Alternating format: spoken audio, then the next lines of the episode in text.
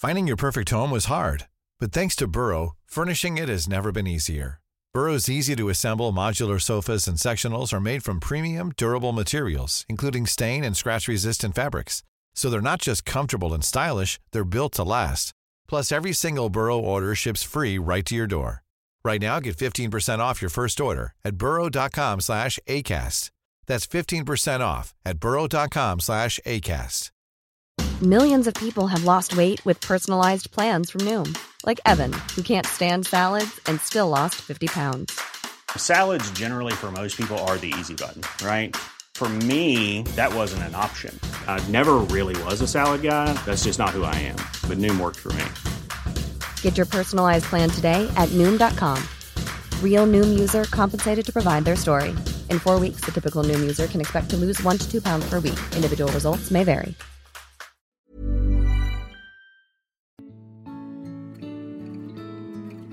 Välkommen tillbaka till podcasten Utan dig med mig Alexandra. Och med mig Emelie.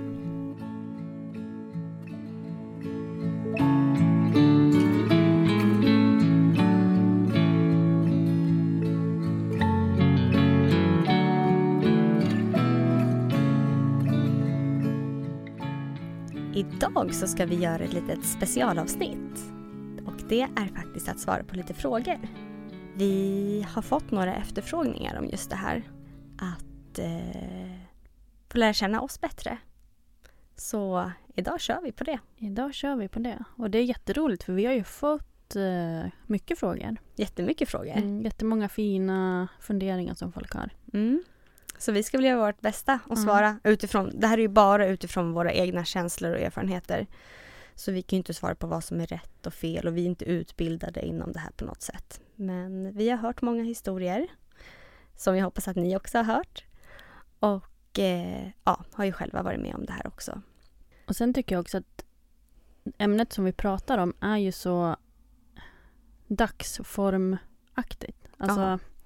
det är ju verkligen det att nu när vi kommer svara på de här frågorna då är det också utifrån hur det känns idag. Ja, bra. Mm. Mm. Så är det ju faktiskt. För det kan ju verkligen svaja. Mm.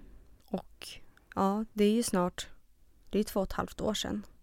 Sen både Sally och Ture dog. Så vi har ju lite perspektiv på det här också. Vi hade säkert svarat annorlunda för två år sedan. Och vi kommer säkert svara annorlunda om några år också. Mm. Ja.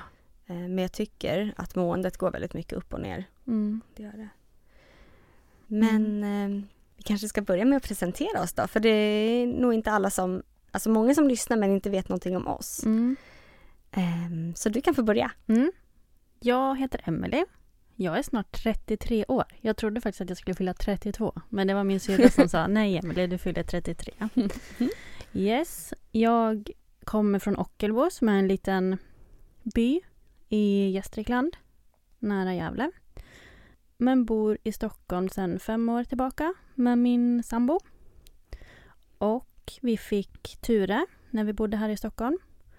Så han föddes eh, juli 2017 och dog december 2018. Och alldeles precis här nu har vi flyttat ifrån den lägenheten där Ture liksom levde hela sitt liv. Ja. Det är så konstigt. Hur känns det? Ja men det har varit jättekonstigt faktiskt. Jag kan tänka mig det. Mm, jag kommer liksom åka förbi och spana på den gamla lägenheten. Hela livet tror jag. Mm. Mm. Och sen har vi ju också fått Ester som ganska precis här fyllde ett år. Ja. Mm. Så vi är fyra i vår familj. Ja. Men en bor i himlen då. Precis. Och jag tänker att du får presentera dig själv. Mm. Och sen kan vi ju egentligen berätta lite mer om vad som hände med våra barn. Absolut. Det tycker jag låter som en bra idé. Um, Ja, Alexandra heter jag. Jag är eh, 29 år. Blev det för några månader sedan. Och eh, jag bor i Huddinge utanför Stockholm tillsammans med min man Sam och eh, våra äldsta son. Eller vi har bara en son, Nikolas. Eh, han föddes 2016 i oktober och eh, strax efter han fyllde ett så blev jag gravid igen med eh, Sally som föddes i juli 2018 och hon dog i november 2018 så hon blev fyra månader gammal. Och strax efter hennes ettårsdag blev jag gravid igen med Iris som är våra tredje barn. Och hon blev precis ett nu i mars också. Eh, så vi är fem i vår familj. Det är ganska stort när man tänker efter att vi är liksom fem stycken. Mm. Det är en hel hand. Mm. Så du och jag har ju förlorat ett barn Mm. typ samtidigt. Ja. I november och december 2018. Och sen fick vi båda barn nästan samtidigt. Mm. 2020. Precis. Mm. I mars och maj. Precis. Så det har varit väldigt fint att kunna dela hela den här resan tillsammans. Ja. Ja, och just också då när vi var gravida samtidigt och Mm. allt också. Verkligen, Mm. för det hade vi pratat mycket om innan ju. Det här med vad händer om någon av oss blir gravida och... Inte den andra och båda vill och Mm. Mm. Men vill du lite kort berätta om vad som hände med Sally? Mm. För man kan ju la- lyssna mer Ja, precis. i vårt första avsnitt. För Mm. det var det som handlade om Sally. Precis. Ja, Sally föddes som sagt i juli 2018. Och det var under väldigt dramatiska former för att jag hade varit inne, ja hon är född den 16 juli, så jag hade varit inne natten till den 16 juli med vad jag tyckte var verkar. Jag hade inte fött vaginalt innan för att Nikola satt i säte så jag hade blivit, eh, ja, fått ett planerat kejsarsnitt med honom. Och Eh, nu skulle jag få chansen då att föda vaginalt, vilket jag verkligen, verkligen, verkligen ville. Så jag var jätteglad över det. Och eh, jag åkte in med de här verkarna som sagt. Och där blev det då konstaterat att nej, det var inga verkar, det var bara sammandragningar. Men jag hade jätte, jätte, jätte ont. Och eh, ja, de skickade hem i alla fall med vad de kallar för en sovdos.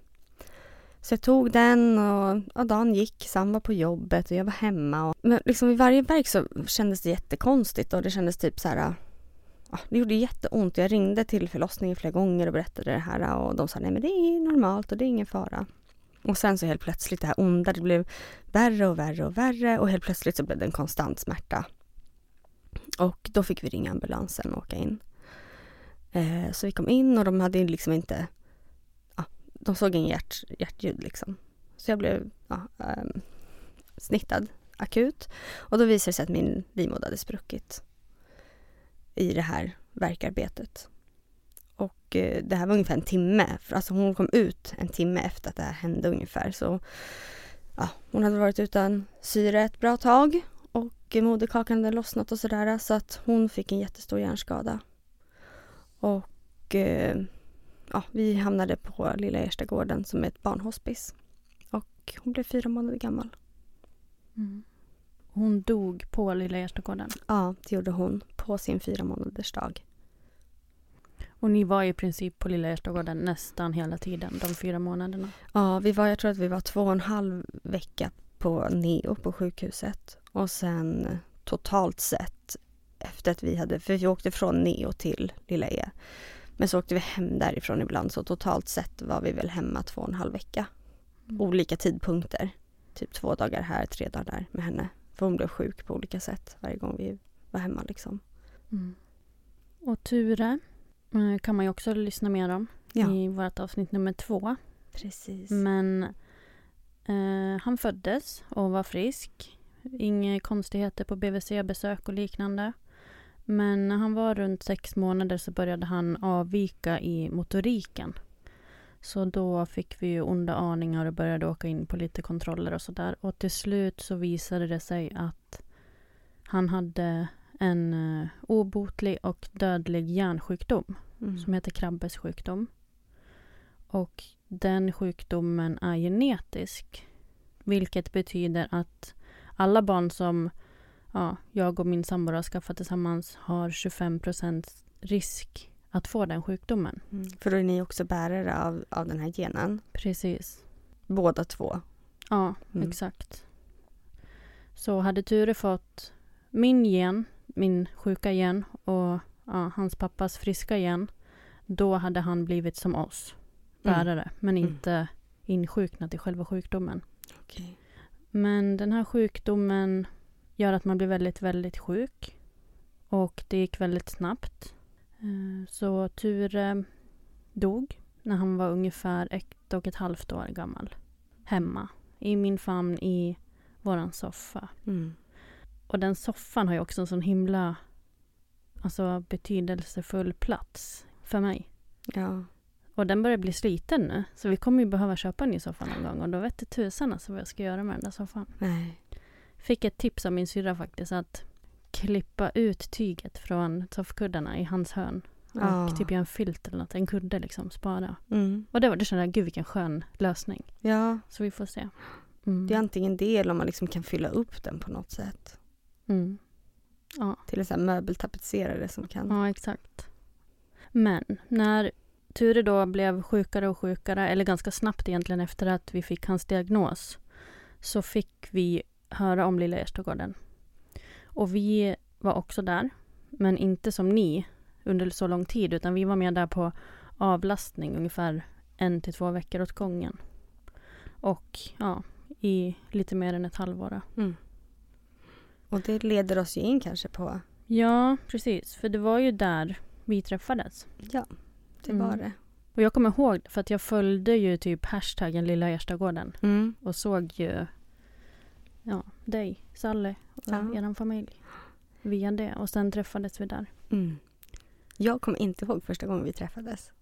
Nej, jag kommer nog inte heller ihåg det. Eller jag kommer ihåg en gång när du satt och pratade med någon inne i köket. Och jag trodde det var din syrra, men nu efterhand tror jag att, att det var din eh, kompis. Okej. Mm. Mm. Ja. Men jag vet att väldigt snabbt så fann ju vi varandra Mm. och pratade om väldigt... Tunga saker. Ja. Jag, alltså, det som första jag kommer ihåg, så, den konversationen vi hade, det var om man skulle kremera Mm. eller om man skulle begrava. Mm.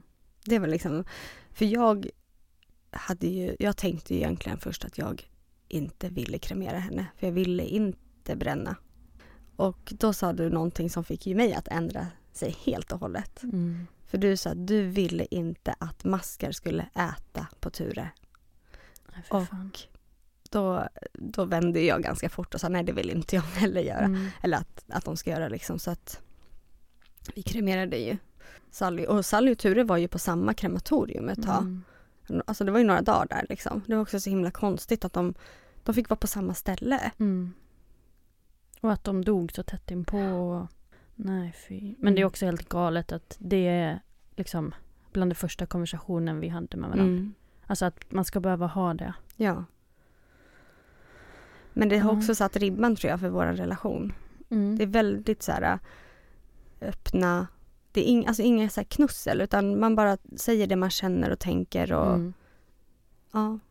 Ja, och vi hörs ju väldigt ofta. Mm, Vi, vi. Om både det ena och det andra, Ja. allt möjligt. Eh, och det är ju väldigt skönt att veta att vi kan det. Ja. Att vi har varandra. Men det var egentligen du som kom på idén att starta den här podden ju. Mm. För vi båda när vi gick runt där med våra jättesjuka barn ville ju höra om andra. Vi ville ju liksom inte känna oss så ensamma. Vi, vill, vi saknade egentligen en podd eller någonting liknande. Ja, precis. Jag tror att jag... Det var nog det jag ville ha. För att jag, let, jag letade ju överallt. Jag hade den här hashtaggen änglamamma, ängla... För att redan innan Sally dog, alltså det här var ju några månader innan. För att jag kände på mig att hon inte skulle leva så länge. Mm.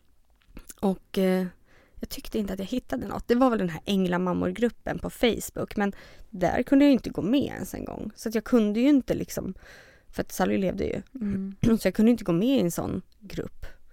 Och jag kunde inte hitta andras erfarenheter. Jag skrev till några, några berättade. Det var någon som du vet, skickade bilder till mig för att jag var så här, jag undrade och var rädd. Och, eh, då kände jag att nej, jag måste göra någonting.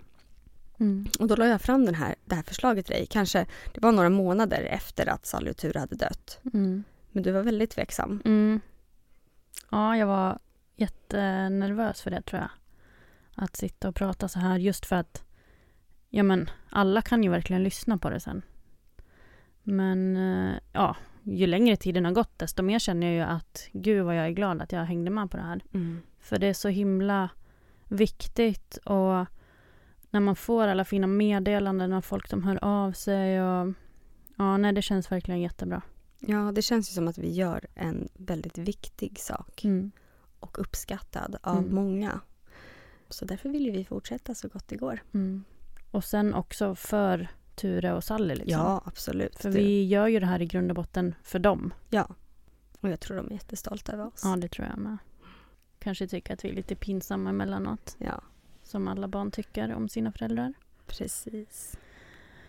Men tycker du att vi ska dra igång och svara på lite frågor då? Det tycker jag. Ja, vi har ju fått frågor som både är personliga för oss men också mer allmänna om hur det är att förlora barn och liknande Mm. också. Och så frågor om podden Ja, faktiskt också. precis. Men jag tänker att vi kan väl beta av några av de här personliga frågorna först. Det gör vi. Och då har vi fått en fråga här hur vi träffade våra partners. Ja. Hur träffades du och Sam? Ehm, jag och Sam, vi, om man ser liksom första gången vi träffades överhuvudtaget så var det på dagis. Mhm. Mm, faktiskt. Vi gick Kommer du ihåg det? Nej, det kommer jag inte ihåg. Ehm, när vi, det har jag liksom fått veta i efterhand. För att om man tittar så här, då tog man ju alltid dagisfoton och sånt där. Och hans storebror är ju med av någon konstig anledning på mitt dagisfoto, liksom klassfotot, men inte Sam, vilket är jättekonstigt. Men ja, han, Sam gick på samma dagis som jag gick. Och sen så har vi följt varandra. Vi har gått i parallellklasser från dagis för han gick på grottan och jag gick på kojan. Och sen så har det liksom, vi har följt varandra ända upp till nian. Och det var först i nian som vi blev tillsammans. Men har du alltid tyckt liksom att han har varit en snygging? Liksom? Har du haft span på honom? Nej, jag har inte haft span på honom. Jag hade inte ens det i, alltså när vi blev tillsammans tror jag. Mhm. Nej men det, var- det var någon så här, en kompis till mig hade sagt typ ehm, ja men Sam vill ha ditt nummer. Sen var, tänkte jag inte mer på det för det var på den tiden du vet, när man hade kombi-kompis och då var det gratis att smsa. Men jag hade inte kombi-kompis utan jag hade tre. Så att det var inte gratis för någon att smsa mig. Så ja, jag la inte någon mer liksom, tanke på det. Och sen så satt jag och smsade med en annan kompis som gick i min klass som är Sam, en av Sams bästa kompisar idag. Och eh, hans pengar tog slut på sin mobil. Så då gick jag ner till Statoil och köpte ett kontantkort, kombi kompis. Och då på vägen hem därifrån smsade jag då Sam. Skrev här, hej du ville ha mitt nummer så nu har du det typ. Och då sa han så här, vem är det här? Så men det är Alexandra och så visste han och sen så vår första typ dejt, det var att gå och äta kebab. Mm. Ja, det gjorde vi. 15 år gamla liksom. Mysigt. Ja, så ja, vi har varit tillsammans länge. Det är, gud, hur många år är det? 13 år i år. Mm. Och hur många år har ni varit gifta? Eh, vi, det, är, det blir fyra år i år Mm. som vi ja, har varit gifta. Precis, vi firade ju vår första bröllopsdag på Lilla E Mm. faktiskt. Och ehm, ja, så, så träffades vi och så fick vi reda på att vi har till och med bott grannar ett tag, visade det sig.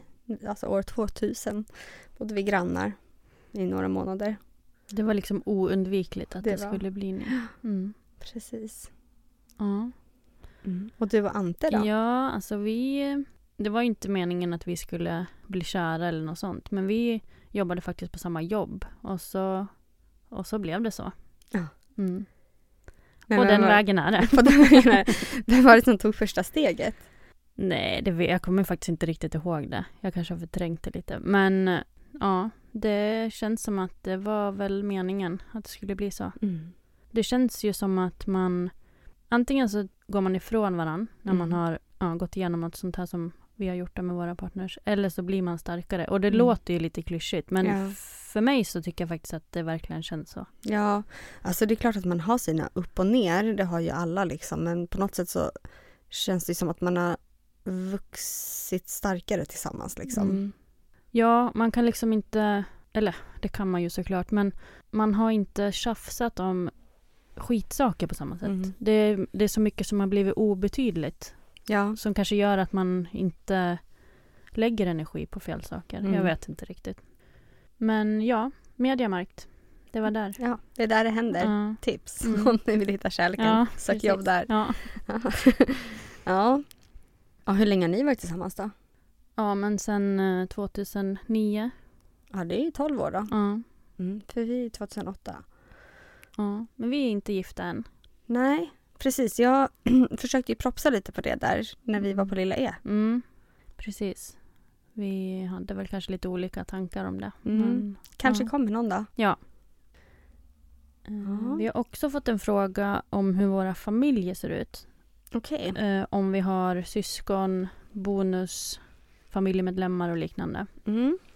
Så jag tänker att vi kan ju köra på och prata om det när vi ändå är inne lite på det spåret. Precis.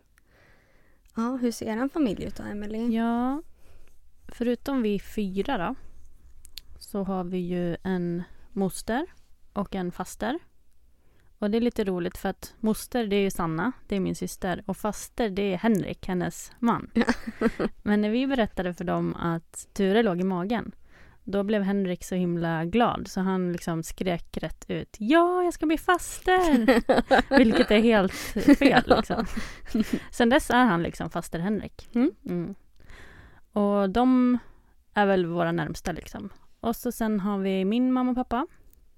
Mormor och morfar alltså. Mm. Och sen på Andreas sida så har vi farmor och farfar och farbror Fredrik. Mm.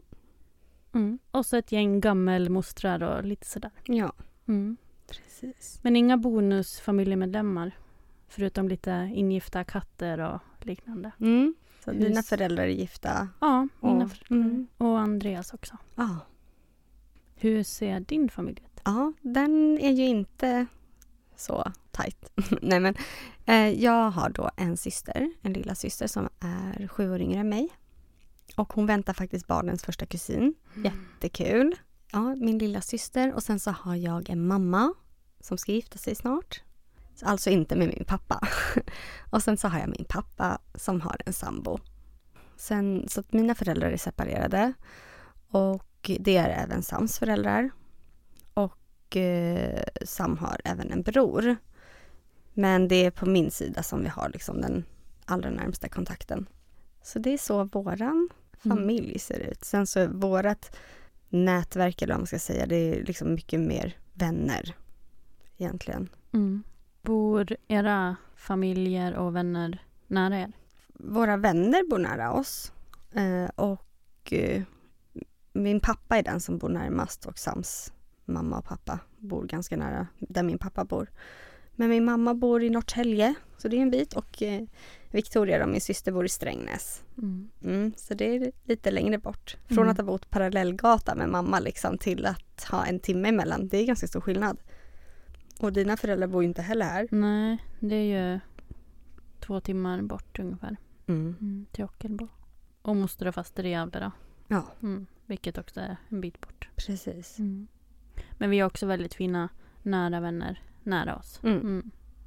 Det är flera personer som har frågat vad vi sysslar med förutom podden och mammaledigheten. Just det. Mm. Mm. Vad sysslar du med, Alexandra? Ja, det är väldigt oklart skulle jag säga.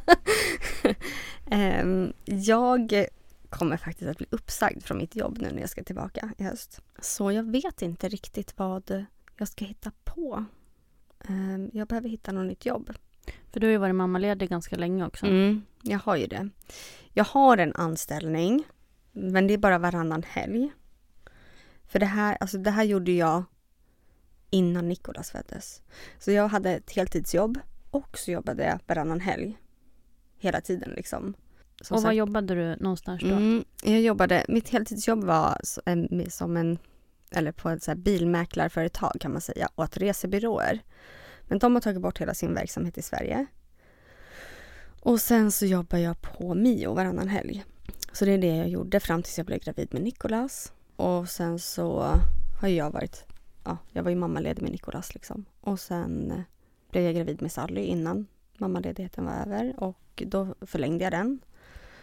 Eh, alltså ja, föräldraledigheten liksom. Men sen så föddes ju hon och var sjuk och så, så då blev det ju eh, vård av svårt sjukt barn, vab, istället. Och efter att hon dog har jag varit sjukskriven. Och eh, skulle börja jobba men så blev jag gravid med Iris och då fick jag vara sjukskriven hela graviditeten faktiskt. Och nu är jag mammaledig och ja, i några månader till. Sen vet jag faktiskt inte vad jag ska göra. Nej. Så vi får se. Så Mm. om det är någon som söker en eh, glad, ambitiös person så kan ni ju höra av er till mig. Det tycker jag. Ja, skulle behöva hitta något. Spännande. Mm. Det kommer bli jättebra. Ja, det blir det säkert. Mm.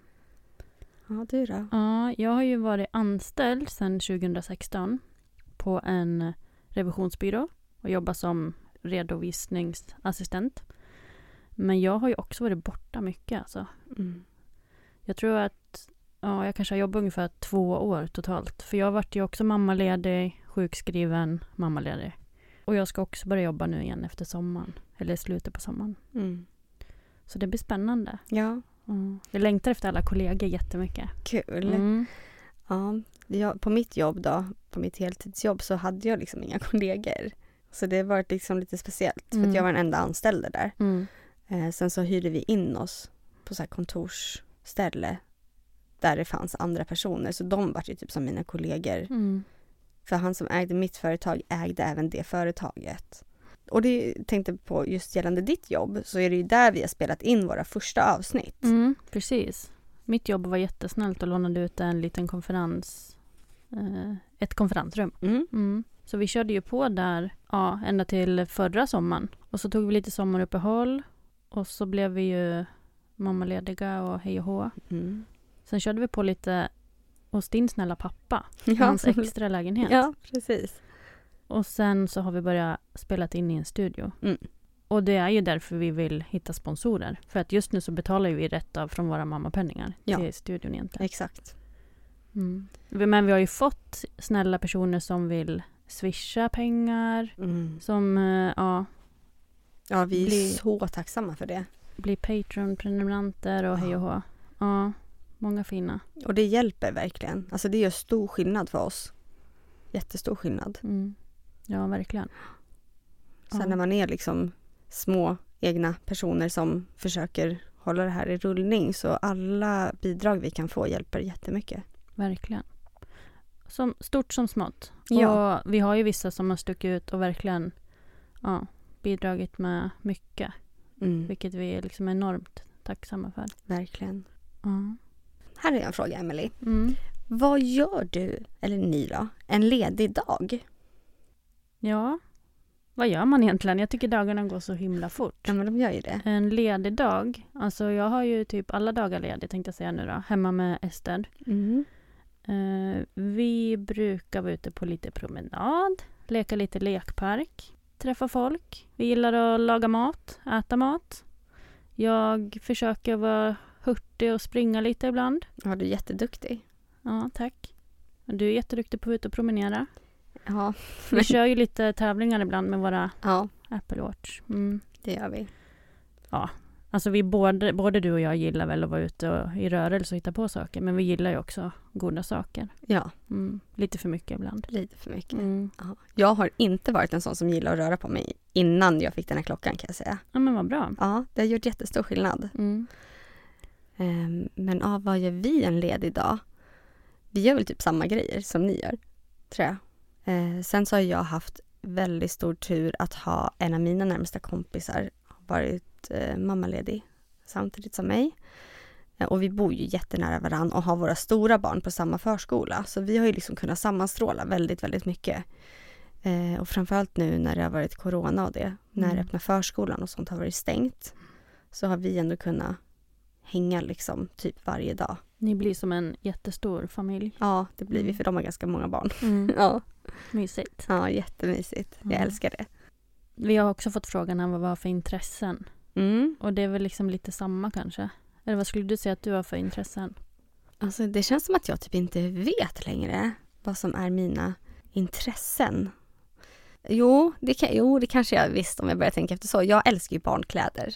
Det är ju typ mitt, det, det brinner jag ju typ för och lägger alldeles, alldeles för mycket pengar på det. Eh, men det tycker jag är absolut roligast.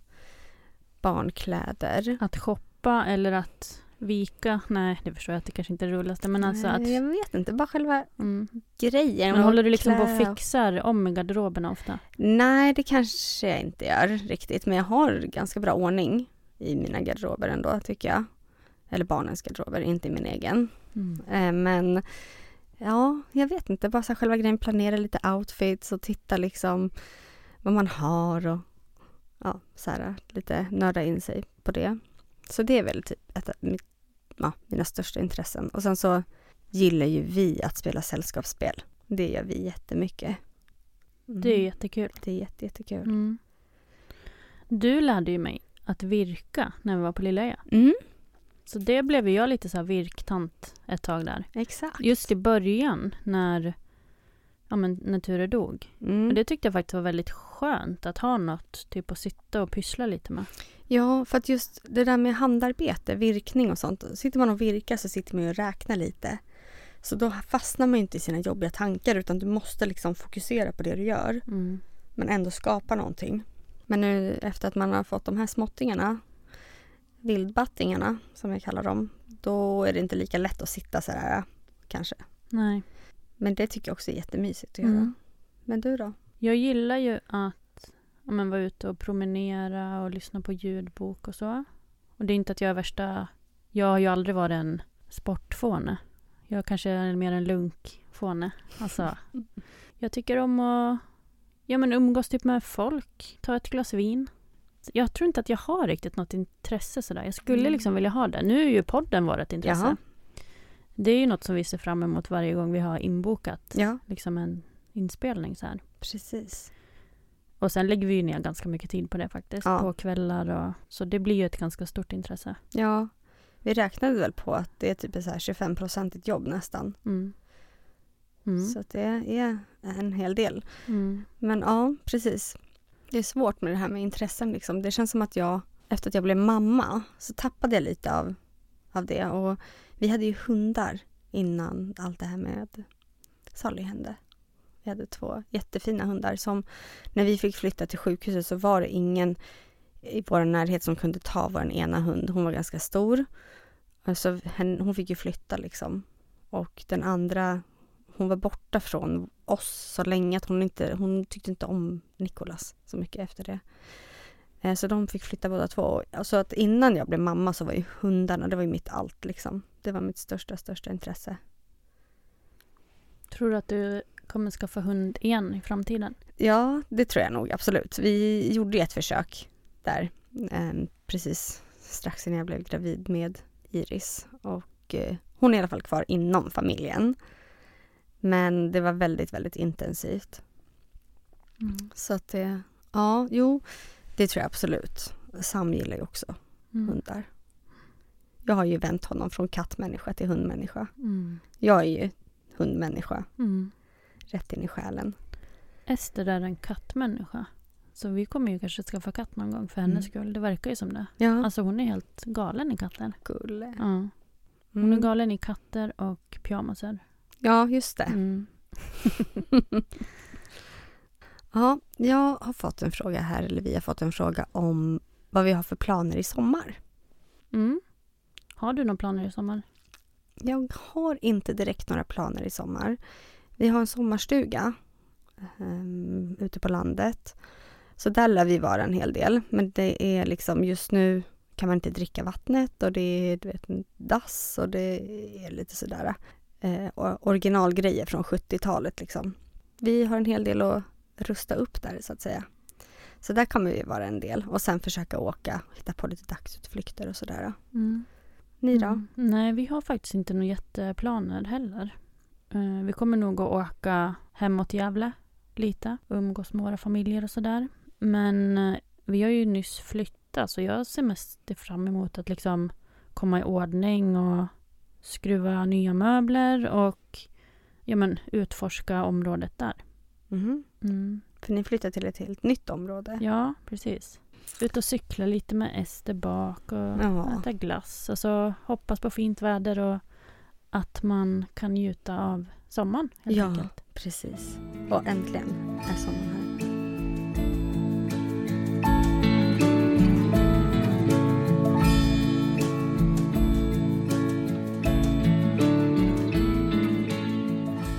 Okej, vilket är ert respektive drömjobb?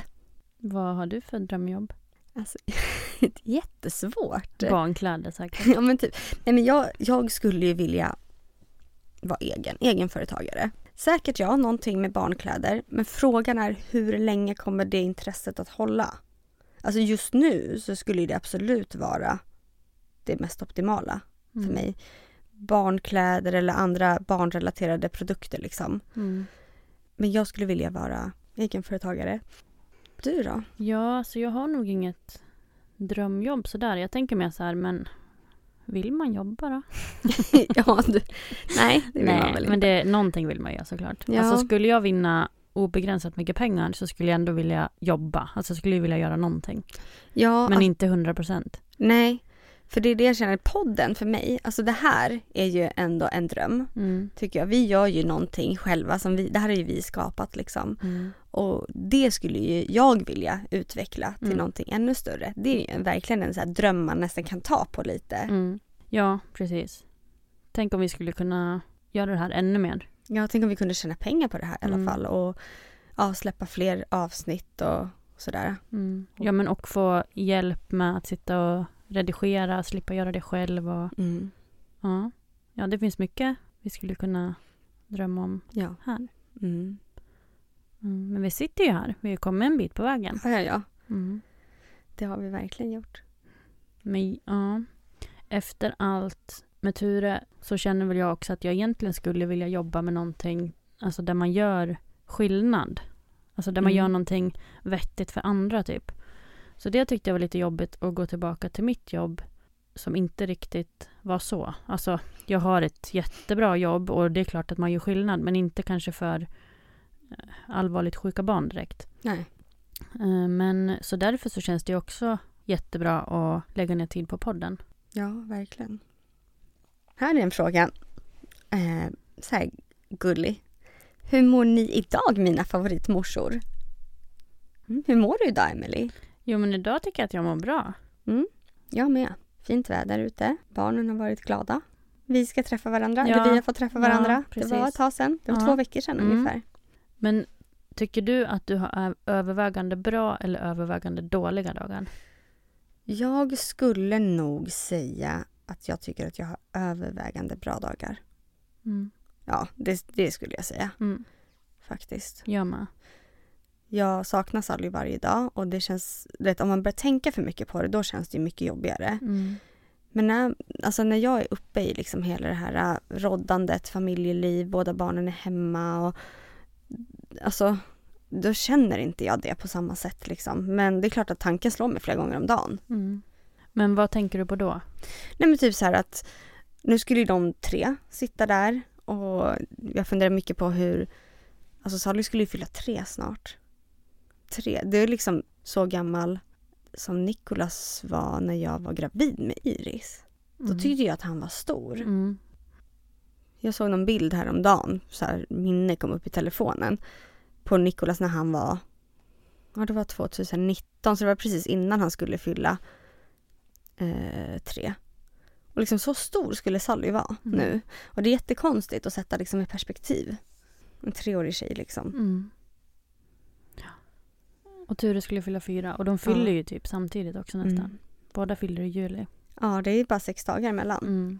Tionde och sextonde va? Men jag tyckte att det var lite jobbigt i början med Nikolas. För han var ju ganska liten och Ture Mm. var ganska stor.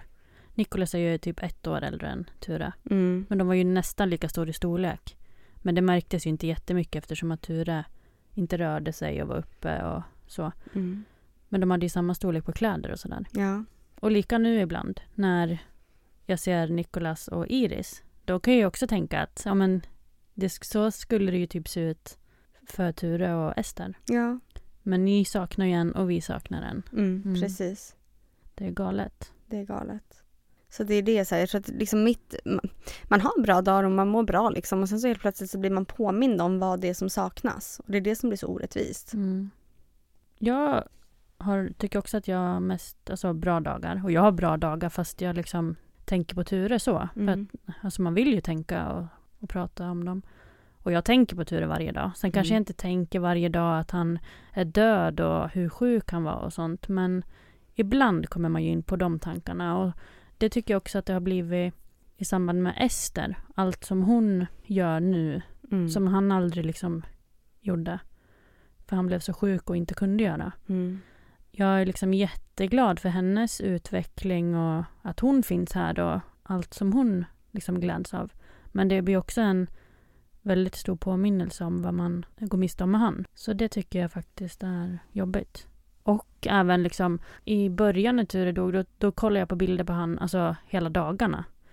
Jag kollar på bilder jätteofta nu också och vi har bilder hemma i hemmet och sådär. Men jag tycker väl att nu ser jag på ett sätt hur sjuk han var. Jag tror Mm. inte att jag såg det då, i början. Nej. Eh, Och när han var sjuk. Jag tror inte att jag liksom såg hur sjuk han var då heller riktigt. Mm. Men det är väl för att nu när Ester är ett och om man jämför med hur, hur han var när han var ett så ser man ju att det är väldigt orättvist. Mm. Ja, det är verkligen det. Och det är väl sånt där som man kan, man kan gå i mataffären och vara hur glad som helst och så bara blir det fel. Alltså man kan se någonting eller bli påmind. Det kan vara en lukt var som helst. Mm. Men ja, nu vart det ju väldigt indraget här men ja. Idag mår jag bra. Ja. ja. Ja, men så är det. Jag tycker också så här, för mig är det mycket när jag ser andra barn i den åldern som Sally skulle ha varit i Mm. och, och när jag ser alltså systrar. För att Sally och Iris fick ju aldrig träffas liksom. Och jag tänker, alltså vilken relation de skulle ha haft. Åh, jag skulle verkligen ha haft mycket att göra. Men eh, det hade ju varit värt det alla dagar i veckan. Mm.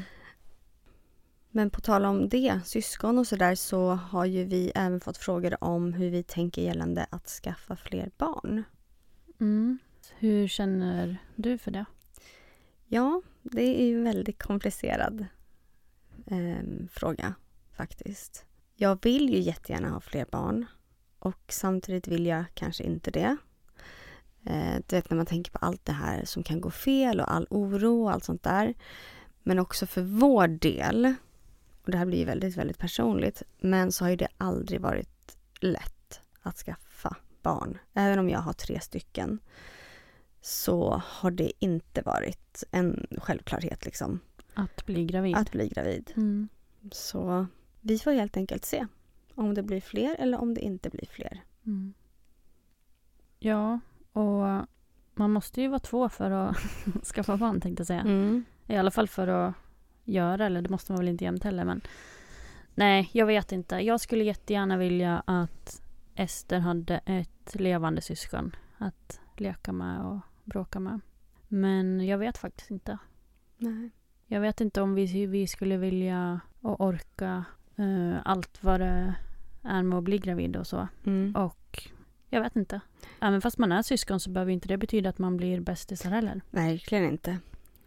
Ni har ju väldigt tur, du och, och din syster. Ja, Ni är ju liksom väldigt, väldigt nära. och jag tror att det är just det som jag känner också att jag skulle vilja att Ester också hade det. Men det är ju inte säkert att det skulle bli så. Nej. Och om ni skulle bli gravida så behöver ni göra massa olika tester och sånt också.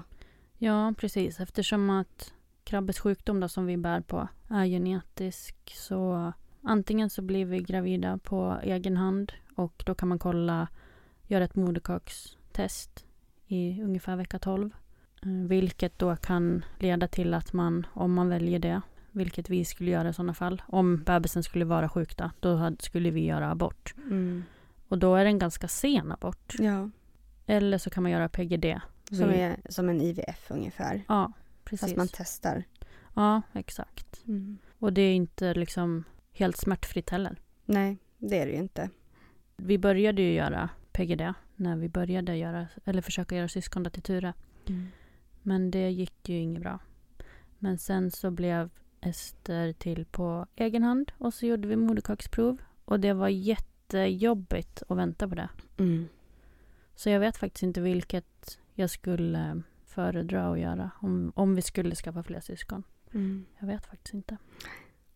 Men det är jobbiga på olika sätt liksom. Mm.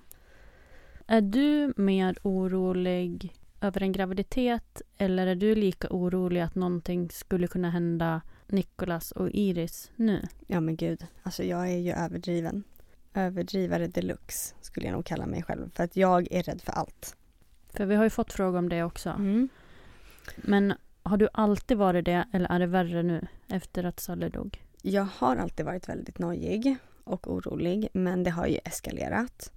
Och dels för det som hände Sally och dels för det som vi möts av i våra, till exempel i poddavsnitten och det man ser andra som har förlorat barn och vad anledningen till det är. Alltså allt det där är ju väldigt, eh, ja det fastnar hos mig väldigt mycket. Så jag jobbar ju väldigt hårt med mig själv hela tiden att försöka tänka på ett annat sätt. För att, ja, du vet ju, för att jag mm. kan ju höra av mig till dig och framförallt när Iris var liten och nyfödd då var jag ju liksom helt ja, alltså, stissig. Mm. Men det kan ju, så fort de blir sjuka, mina barn, då får jag panik. Du då? Ja, alltså jag är väl också orolig. Men jag är inte lika orolig som du är. Och jag är väl oroligare nu än vad jag var innan Ture blev sjuk. Absolut. Men jag är inget extremfall. Jag vet inte hur jag kan vara så lugn som jag är. Nej. Nej, jag har inte riktigt något bra svar på det. Vi har ju fått höra från många av våra gäster att de också blivit mycket, mycket oroligare efter att de har förlorat sina barn. Och det har ju såklart att göra med det traumatiska som man har varit med om. Det är klart att det triggar mer. Mm.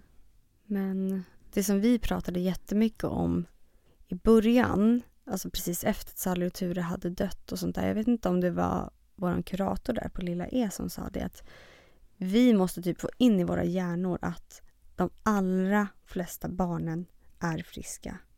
Det är inte vanligt att barn dör. Alltså barn dör men det är inte jättevanligt.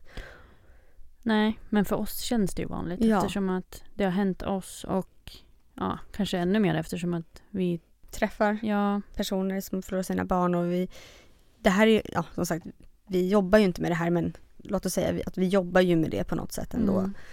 Um, och vi behöver ju göra det här liksom så. Jag vill göra det här. Mm. Men det är ändå viktigt någonstans att försöka hamna i de tankarna att det är inte vanligt och försöka liksom luta sig tillbaka på det lite. Mm. Det är klart det händer men det är inte det som tillhör det vanliga. Nej, och så tror jag att jag tänker jättemycket på det som vi har pratat om du och jag att om nu någonting händer om tio år ska jag då slösa bort tio år och, och gå runt och vara orolig då vill jag liksom hellre njuta av de här tio åren. Mm. Ja. Så mycket man bara kan. Liksom. Ja, och det är väl lättare sagt än gjort ja. såklart. Det fattar jag med. Men ja, det tror jag jag tänker jättemycket på. Mm. Ja. För det spelar ingen roll hur mycket man förbereder sig så kan man ändå inte vara förberedd. Nej, och eh, det som vi också pratat om är det här att man aldrig kan älska för mycket. Du kan bara ångra att du har gjort för lite. Du, kan, du ångrar inte att du har älskat för mycket eller skapat för många olika minnesgrejer eller det är ingenting som man sitter och ångrar. Jag ångrar att jag inte fotade ännu mer. Jag ångrar att jag inte filmade ännu mer. Mm. Alltså det som jag hade kunnat göra för att få ha kvar mer av Sally. Mm. Det ångrar jag. Framförallt det här med att filma. Jag förstår inte varför filmade jag inte mer? Det kan jag sakna. Filmsnuttar liksom. Och kunna titta tillbaka på. Ja, men nu är vi ju inne lite på en fråga då, mm. som vi också har fått och det är ju hur vi orkar och vad vi gör för att orka med att höra om allas tragiska livsöden som vi mm. gör när vi spelar in poddavsnitt. Mm. Alltså för mig så har det varit mycket det här med att det känns så viktigt det man gör. Mm. Ehm, jag tror att det är det som väger tyngst. Och att jag vill att alla barns berättelser ska bli hörda. Um, oavsett om det är en bebis som aldrig ens hans liksom skrika, föda skrikande eller om det är ett barn som är vuxet. Det är jätteviktigt. Det är viktigt för, för barnens skull och det är viktigt för föräldrarna och andra anhöriga. Så det känns liksom som att vi gör något så himla, himla, himla viktigt. Därför tror jag att man orkar med det liksom. Mm. Jag såg en annan mamma skrev på ja, sociala medier häromdagen. Hon skrev något i stil med att kärleken är större än döden. Och det kände så här, ja men så är det ju. Mm. Och det är lite så det blir med det också. Att det fina i det här hemska liksom överväger på något sätt. Mm. Men sen så pratar ju du och jag jättemycket. Mm. Vi reflekterar jättemycket före och efter och långt efter också. Ja, ja, ja, med vissa avsnitt. Och sen är det ju såklart att vissa dagar så är det jättejobbigt att sitta och höra om de här tunga berättelserna. Mm. Det är det som också kan vara konstigt, att det behöver inte vara händelser som är lik ens egen, utan det kan också vara de som är det kan vara liksom till exempel stora barn, att ett sånt avsnitt är jobbigare. Mm. Ja, men det varierar ju. Ja, Och verkligen. även liksom dagsform Dagsformen. och... Mm. Eh, sen så, för min del, alltså jag har aldrig lyssnat igen på ett avsnitt vi har släppt. Det har jag inte gjort. Nej. Det, jag vet inte, för att tanken, alltid tanken för mig av att träffa nya personer och få höra nya berättelser, det, det känns inte liksom lika jobbigt på något sätt som att höra på våra avsnitt igen. Det, det drar jag mig liksom för att göra på något sätt. Mm. Jag har lyssnat, inte på alla så. Sen lyssnar vi när vi klipper och redigerar. Ja, absolut. Det gör vi. Men, eh, ja. Men inte på de som vi har, de som vi har släppt har jag nog inte lyssnat på ett Mm. avsnitt igen. Liksom. Men på tal om det här med podden och det då, kanske vi glider över lite på frågor just gällande våran podd. Mm. Så har vi fått frågor om hur vi hittar personer som vill vara med i våran Mm. podd. Och eh, nu, så som det ser ut i dagsläget, så är det ju folk som hör, vi blir överösta av förfrågningar från massa olika håll och det är så, så, så kul. Mm. Jätte, jättekul. Hemskt att det är så, men Mm. jättekul att folk vill vara med. Mm. Eh, men i början var det lite kämpigare. Då fick vi kämpa. Vi hade ju två avsnitt först. Det var ju våra två första om Sally och Ture. Och sen så var det ju den här Wave of Light som vi spelade in eh, på ganska så kort varsel för att det skulle precis vara den veckan. Och då Mm. tänkte vi okej, men då vi vill lyfta det här lite Mm. när man tände ljus för barnen som har dött und- under året. Eh, sen så började vi ju dra i våra kontakter från Lilla Gärstagården. Mm. Det var ju så det började. Mm. Eh, Men, och Lilla Gärstagården överlag har ju som viktig plats i båda våra hjärtan. Men vi försöker ju att inte liksom... Vi vill ju inte att det ska låta som att vi är sponsrade av dem. nej, Men de är ju liksom, de kommer ju alltid vara typ den viktigaste platsen i, som vi har varit på hela Mm. vårt liv. ja. Och vi liksom är jätteglada att personal därifrån och ja, personer därifrån vill vara med. Mm. För vi vill ju det. Vi skulle Ja. helst vilja vara med dem varje dag känns det Ja, som ja, ibland. Men vi vill ju också försöka liksom att inte bara tjata om Lilla E hela tiden. Nej, precis. Men ja, det var så det började i alla fall med, med våra första gäster. Det var ju också familjer som hade varit där. Mm. Men sen har det ju liksom spridit sig. Mm. Att vi får ju tips om att höra av sig till folk också. Mm. Och ja, många hör av sig till oss. Ja. Och vi fortsätter liksom, vi försöker ju att, att blanda våra avsnitt lite. Vi vill ju att alla ska få vara med som sagt, men att det ändå ska vara lite olika åldrar och olika orsaker, alltså vad som har hänt och sådär. Så det är mycket planering Mm. som gäller. Mm. Och Och, sen- så ska det klaffa med Mm. studiotid, våra tider, våra sambos tider, gästernas tider. Mm. Det är mycket Mm. i bakgrunden där som jag tror att man inte liksom riktigt vet om. Nej. Men ja, så som det ser ut just nu så har vi faktiskt gäststopp. Det här är ju vårt sista avsnitt innan sommaren Mm. som vi släpper. Men sen så har vi jättemånga på listan, på vänt liksom. Mm. Och eh, det, var ju, det är ju några som har väntat nästan ett år för att kunna Ja, vara och med. det, liksom, jag hoppas att inte någon känner sig bortglömd. För vi har en lista där vi skriver upp. Ja. Mm. Och, och har ni hört av er till oss och vi har sagt att vi ska återkomma så snälla hör av er till oss igen. Det är liksom inte att vi har liksom valt aktivt att prioritera bort er utan det är bara för att det blir ju så mycket. Mm. Och eh, faktiskt en biverkning av det som vi har varit med om som vi båda har märkt av är att vårt minne Mm. från Ja. bådas håll är ju icke-existerande Nej, nästan. det är lite pinsamt ibland faktiskt. Mm. Mm. Ja, och sen försöker vi också få in lite sådana här äh, specialavsnitt med andra personer än anhöriga. Mm. Så det kan vi också jättegärna ta mer tips om folk har önskemål liksom, om ja, men till exempel personal på något sätt eller andra personer. Skulle kunna vara en bra gäst. Ja. Men eh, biverkningar då, Alexandra? Har du fått några mer biverkningar som du skulle kunna tänka på så här? Alltså, först och främst är det ju det där med minnet. Men jag tror att jag har utvecklat någon typ av ångest. För det har jag aldrig liksom haft. Jag har inte...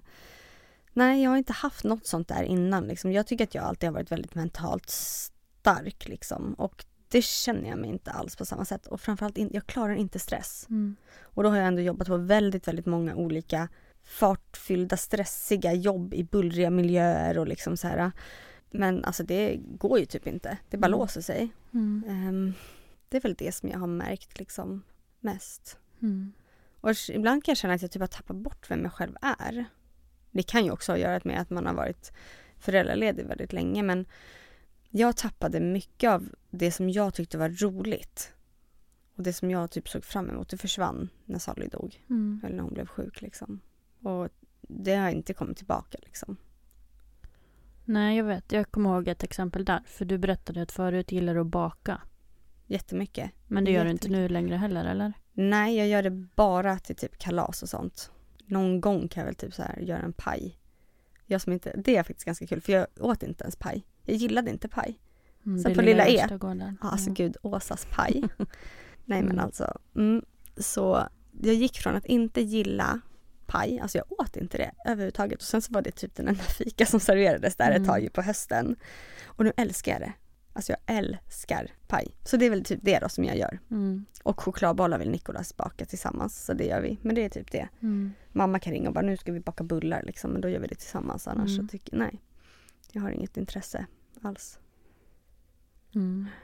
Jag får ju nästan mer och mer alltså beslutsångest. Ja. Jag vet inte om det är någon slags, efter allt som har hänt. Jag har jättebeslutsångest. Mm. Och ja, också det där med stress. Jag har ju stundtals liksom ont i bröstet. Mm. Typ ångest, ont är det väl tror jag. Jag vet inte Ja. men För det kommer jag ihåg att du hade jättemycket precis där. Levde Ture fortfarande? Eller, alltså det var där mot slutet i alla fall. Jag kommer ihåg det att du, mm. och efter att han hade dött sa du att du hade jätte, jätteont. Mm. Mm, det kommer jag ihåg. Ja men stundtals är det, jag skulle ju typ vilja gå runt och bara hålla i en tutte. För att det känns liksom ont. Men kan du märka att det kommer vid särskilda tillfällen? Jag tror att det kommer när jag blir stressad. Mm.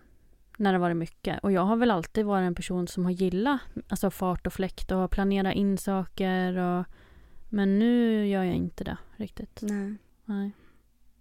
Men kan du se någonting då om, alltså det här ska ju inte låta fel, men alltså som har varit, blivit bättre, alltså varit någon positiv grej? Ja men det är väl att man kanske tar tillvara på saker på ett annat sätt. Det skulle jag säga. Jag tror också att jag... Det här är ju, det tycker jag är väldigt tråkigt. För att jag gillar ju andra personer. Men jag orkar inte med folk som klagar över skitsaker. Och ja men liksom... Ibland när folk ska vara liksom så här... Jag vill lite mer gå rakt på sak och så här... Jag har inte tid för så här... Puttinutt. Ja, jag vet Mm. inte. Och det är så himla tråkigt att vara en sån person. Mm. Jag märker att jag typ vågar stå på mig mera. Mm, det är ju bra. Ja. jag tycker det. Att jag liksom kanske säger mer vad jag tycker. Jag vet inte om det har med åldern att göra också, men de var på mig ganska mycket på Lilla E. Mm. Eh, att jag skulle våga liksom Just för att innan så har jag alltid varit typ så att jag inte säger så mycket och tycker så mycket framförallt typ till läkare och sånt där. Men där var de mer på att du, du är Sallys mamma och du vet bäst och du måste liksom kunna Och det har jag försökt fortsätta med både med Nicolas och med Iris också liksom att, Mm. att jag vågar stå på mig och säga vad jag tycker och vad jag tror är rätt och vad jag tror är fel och Mm. framförallt i sådana situationer. Samma sak när jag var gravid med Iris liksom att jag vågade säga ifrån för det Mm. har jag typ aldrig vågat innan. Ja, men det är ju jättebra. Ja, det tycker jag verkligen så här att det är någonting väldigt positivt som har kommit liksom som, ja, utifrån den här erfarenheten som vi har varit med om. Mm.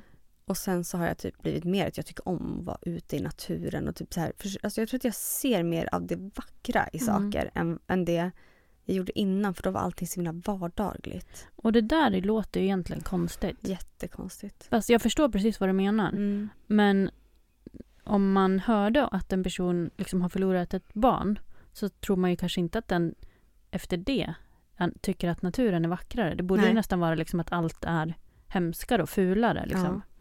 Nej, men bara jag det förstår här, vad du menar. Ja, bara så, du vet, man ser solen skiner igenom Mm. träd. Alltså, ja, du vet, man bara, jag bara njuter liksom. Mm. Jättekonstigt Mm. egentligen. Men jag tror att man liksom vill ta tillvara på det. Mm. Man vill så här, jag vill ju leva för Sally. Mm. Jag vill ju kunna göra, alltså jag vill ju göra allting som hon inte kan göra. Mm. Och det, prat, det pratade vi om Mm. väldigt tidigt liksom att Mm. vi är jätteledsna men våra barn vill ju, vill ju inte att vi ska vara jätteledsna. De vill ju att vi ska göra det de inte kan göra liksom. Mm. Vi har fått fråga om hur vi gör Ture och Sally delaktiga i vardagen. Oj, den var faktiskt väldigt svår. Mm. Det brukar vi fråga våra gäster ju. Ja. Ja, vad gör du för att göra Ture delaktig Mm. i vardagen? Alltså jag tror att det jag gör är ju att jag tänker på han varje dag. Och pratar om han mer eller mindre med person, olika personer. Alltså, mm. Eh, Men sen så har vi ju hans saker hemma. Och det har ju blivit ännu mer med Ester liksom som använder hans leksaker och saker och kläder och sådär. Ja, det är väl det vi gör egentligen. Men sen tycker jag också att nu när jag pratar om det och tänker på det så från början då kanske jag mer tände ett ljus varje dag. Ja, men gjorde mer sånt. Och det gör jag ju inte varje dag längre.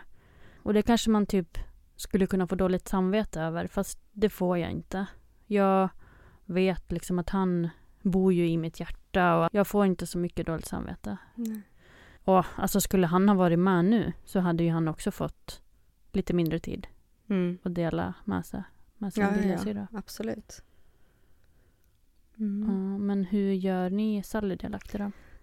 Jag tror att det är väldigt li- alltså, liknande som, som du gör eller ni gör. Vi har ett foto. Vi har inte så många bilder, men vi har inte några bilder annars på barnen. Liksom. Men vi har en bild på, på Sally. Hon har sitt skåp där vi har lite saker liksom, i och vi pratar om henne och framförallt liksom, med Nikolas. Han brukar prata mycket om sin familj och då så pratar vi liksom om Sally och, och sådär. Och han, han frågar ju nästan varje dag liksom. Är Sally död Mm. fortfarande? Mm. Och typ så här, bor hon i himlen och lite sådana saker. Så det pratar vi om. Ja, och sen så är det ju det här med saker, liksom, precis som du säger. Vi har ju liksom Iris, nu börjar hon växa ur. Jag tror att jag har sista plagget nu Mm. som jag köpte till Sally. Sally kunde ju aldrig ha det liksom, men Mm. det var köpt till Sally. Jag köpte ju kläder för att de skulle syskonmatcha, liksom Nicolas och Sally. Mm. Ehm, så det är väl det sista plagget nu som vi har. Och de sakerna är ju för mig jätteviktiga. Mm. Kläderna. Kläderna. Men hur känns det nu då när det inte finns fler sen? Ja, det är lite vemodigt. Mm. Men jag fick ett jättebra tips av en person så, eller, ja, som berättade att hennes kompis, som också hade förlorat ett barn, gjorde så att varje år så köpte hon i födelsedagspresent typ ett klädesplagg som hennes döda dotter skulle haft i den åldern. Typ som när hon fyllde två så fick hon en klänning hon skulle haft när hon fyllde två, rest, ja, tre och fyra och sådär. Och det har jag gjort till Sally. Eh, både när hon fyllde ett och eh, ja, när hon fyllde två. Och nu tänkte jag göra det nu när hon fyllde tre också.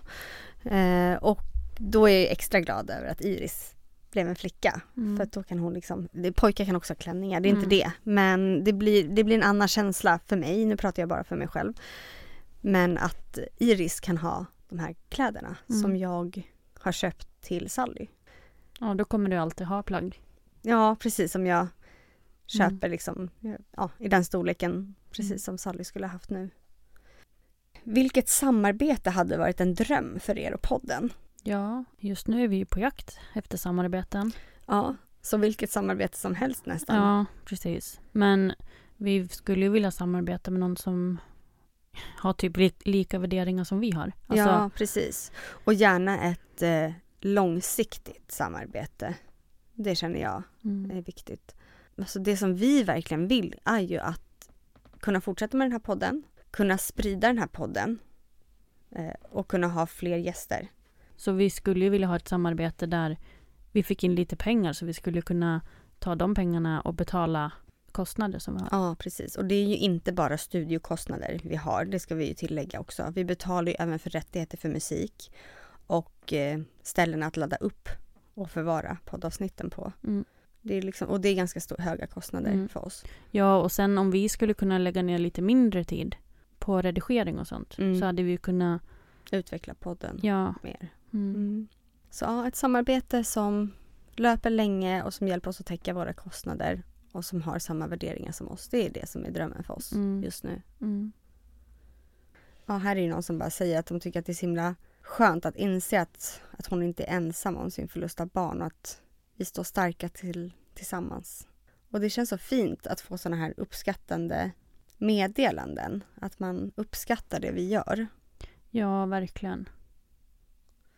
Vi har fått också fråga om det är liksom en sammanfattande återkommande önska från oss och våra gäster som har gått igenom en sån här livskris. Vad vi önskar av andra.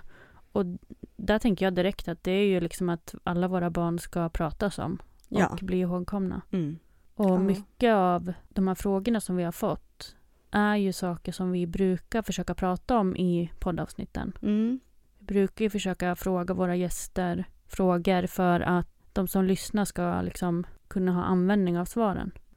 Ja. Och någonting som också återkommande som skulle behöva förbättras det är väl egentligen det här med vårdkontakten efteråt. Att Ja. jättemånga får kämpa för att ens liksom få prata med en psykolog eller kurator. ja, det är så himla hemskt. Mm. Vi har ju inte varit drabbade av det. Men det verkar vara väldigt många som blir, liksom, de faller mellan stolarna. Mm. Och det är inte okej. Det borde finnas liksom något bättre system för det här.